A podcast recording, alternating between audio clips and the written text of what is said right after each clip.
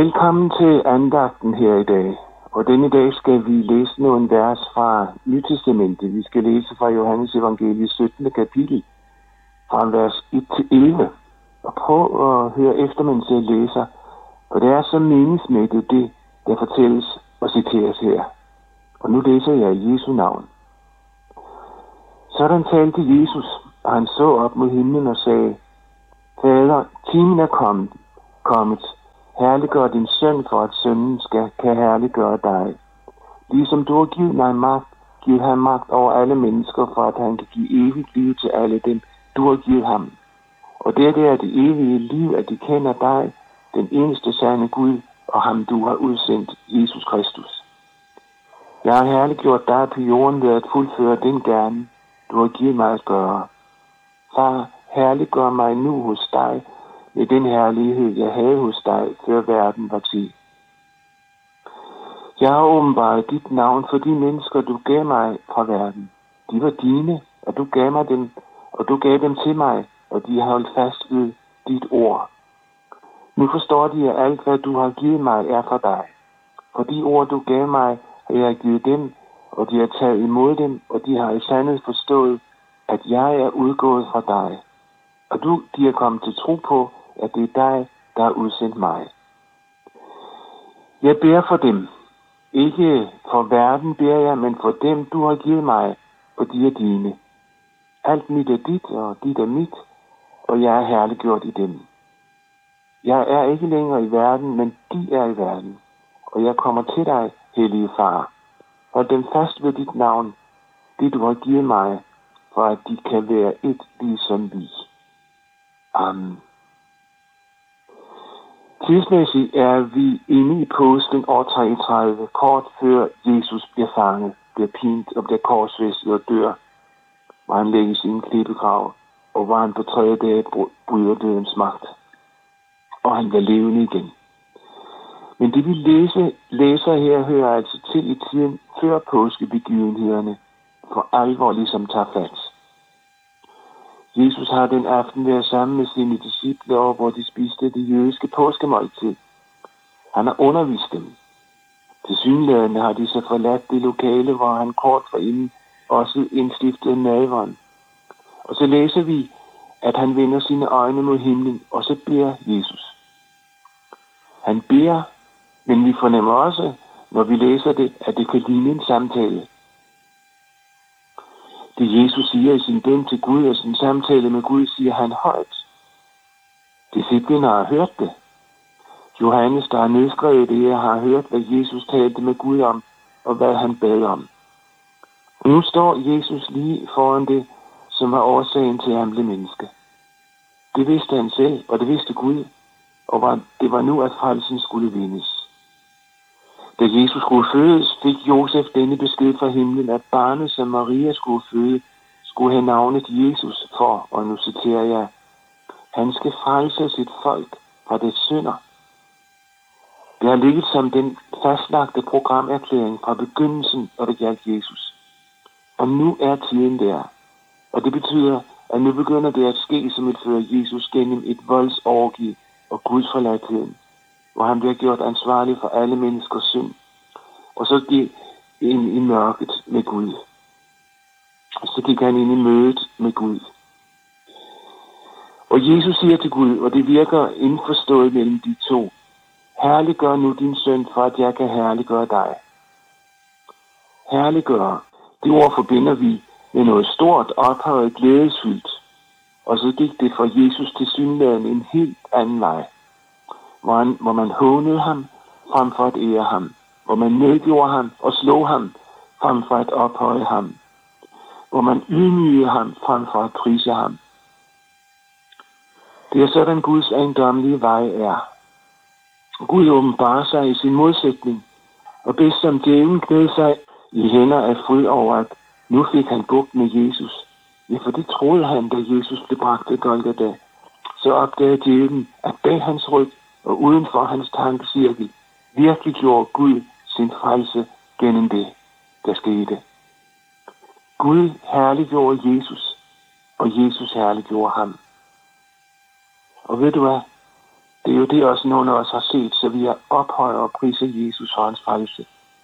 Vi priser og ophøjer ham, fordi han skænker os syndernes forladelse og et evigt liv. Derfor ophøjer vi ham.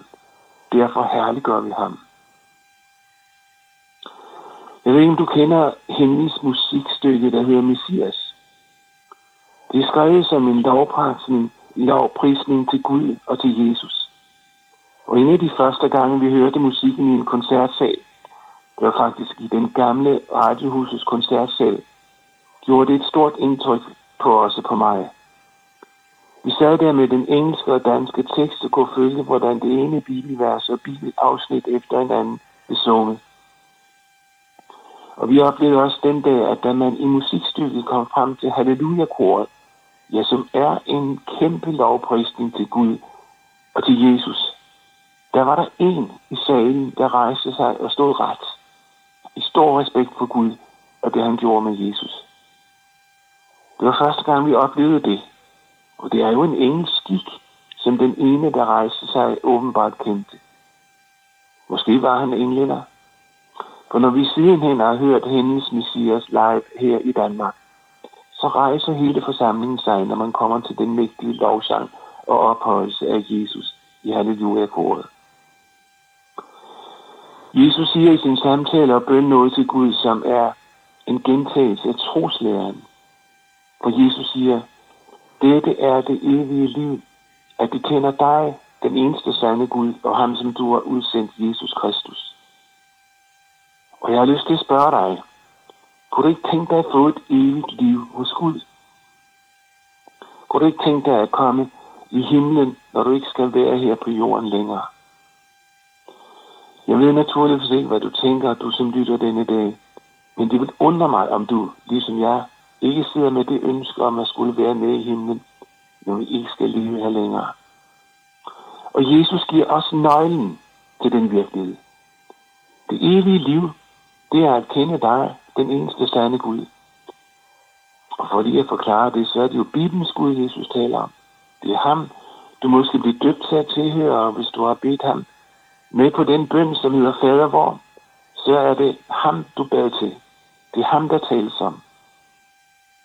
Og så siger Jesus, at dette er det evige liv, at det kender dig, den eneste sande Gud, og ham, som du har udsendt, Jesus Kristus.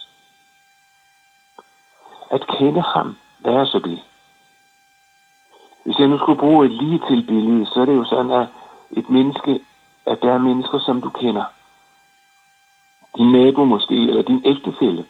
Og dem taler du til og med, ligesom Jesus altså taler med Gud og bad til ham. Og du må have lov til at henvende dig til Gud med den tanke, at nu hører Gud, hvad jeg siger. Og nu skal du høre, for ikke alene hører Gud dig, når du henvender dig til ham, men han fortæller dig også, at Jesus med det, han gjorde, banede en vej helt ind i himlen for dig. Jesus blev en frelser, der vil frelse dig fra alt det forkerte i dit liv. Han vil frelse dig for din synd. Det ønsker Gud at fortælle dig og gøre kendt for dig, hvor du må have lov til i din bøn, lige der, hvor du er også i dette øjeblik, til at bede til Gud og takke ham for denne virkelighed. Og dermed ejer du denne virkelighed. Dermed ejer du et evigt liv.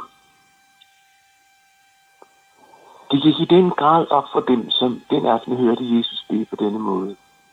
Og nogle år senere skrev han, og nu citerer jeg fra Nye Testamente, og måske kender du det også, det er en af dem, der skriver sådan, Lovet være Gud, vor Herre Jesu Kristi Far, som har genfødt os til et levende håb ved Jesu Kristi opstandelse fra de døde, til en uforgængelig og ukrænkelig og uvisnelig arv, der, der ligger gemt i himlen til jer.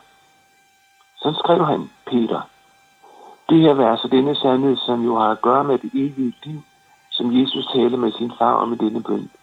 Det bliver citeret hver gang et menneske døbes i den danske folkekirke. På samme måde citeres det, når et menneske for sidste gang bæres ud af kirken, nemlig i forbindelse med et menneskes død og begravelse. Et evigt liv, det er det, Jesus vil give dig. Fordi han gerne vil være sammen med dig. Fordi han elsker dig. Og så siger Jesus til Gud, jeg har åbenbart dit navn for de mennesker, du gav mig i verden. De var dine, og du gav dem til mig, og jeg har holdt fast, og de har holdt fast ved dit ord. Det, at Jesus har åbenbart Guds navn for mennesker, det betyder, at han fortalte dem, hvem Gud egentlig er. Eller skal vi sige, at Jesus har åbenbart, hvem Gud egentlig er. For dem, som Jesus er sammen med disciplene, de havde et gudsbillede, også inden de mødte Jesus. Og så korrigerede Jesus dem, nemlig ved at åbenbare for dem, hvem Gud i virkeligheden er. Jesus fik understreget for dem, også gennem de mange ting, han gjorde og sagde, den eneste måde at få det godt med Gud, det er at komme ind under Guds nåde. Og Guds nåde, den blev åbenbaret, den blev afdækket i Jesus. For det er bare i Jesus, at vi kan finde Guds nåde. Og så siger han altså, at jeg har åbenbart dit navn for de mennesker, du gav mig i verden. Og det er mærkeligt at tænke på. Det var mennesker, som Gud gav til Jesus. Og så siger Jesus til Gud, du gav mig mennesker. Ved du, hvordan det her hænger sammen? Det har at gøre med, at der var mennesker, som hørte det, Jesus sagde, og som troede på ham. Dem, det skete med, det er mennesker, som Gud gav Jesus. Jesus siger om dem, at de var dine, og du gav mig dem. Og så dig og mig. Tror du, at du og jeg hører til de mennesker, om hvem Jesus siger, at dem har jeg fået af Gud? Det kan være, at du føler dig helt udenfor, når jeg spørger sådan. Men egentlig har du jo her i dag hørt, at Gud med årsag i det, Jesus gjorde, ønsker at få dig med ind i himlen. Det må du have lov til at tro. Og dermed hører du Jesus til. Dermed er du en af dem, som Gud har givet til Jesus, som han kan frelse. Om dem, altså dem, som Gud gav til Jesus, står der videre, at det, der er karakteristisk for dem, det er, at de holder fast ved det, Gud har sagt. De holder fast ved Guds ord. De holder fast ved det, Gud lover. Og dermed har de jo det, som, dermed ejer de jo det, som Gud lover. Det er det, de med andre ord samtidig kalder at tro. Helt grundlæggende for dig, som lytter med denne dag, så er det sådan, at du som menneske er skabt i Guds billede. Og det er du, fordi han, du skulle høre ham til. Du er villig af Gud. Du er ikke en tilfældighed. Jeg tror heller ikke, at det er en tilfældighed, at du skulle høre denne andre. Netop fordi du er villig af Gud, skabt af Gud, så har Gud det stærke ønske for dig at få dig med i himlen. Og så er det sådan, at Gud kalder mennesker ind til sig gennem sit ord. Og du har mødt, hvordan Gud gennem det, Jesus siger i teksten, ønsker at drage dig ind i himlen, så han kan være sammen med dig. Forstår du, hvordan tingene hænger sammen? Også med, at Gud på denne dag kalder dig personligt til at være med i himlen, når vi skal være på denne jord mere. Så læste jeg en anden bibelsk oversættelse, når det gælder denne tekst. Og den oversættelse slutter med, at Jesus bliver Hellige far, hold din hånd over dem, som du har givet mig.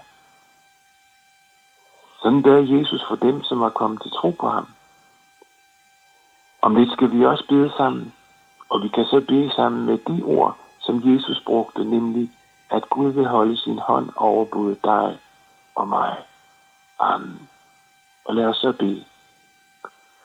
Kære Jesus, vi takker og ophøjer dig for din frelse, som du har vundet til os.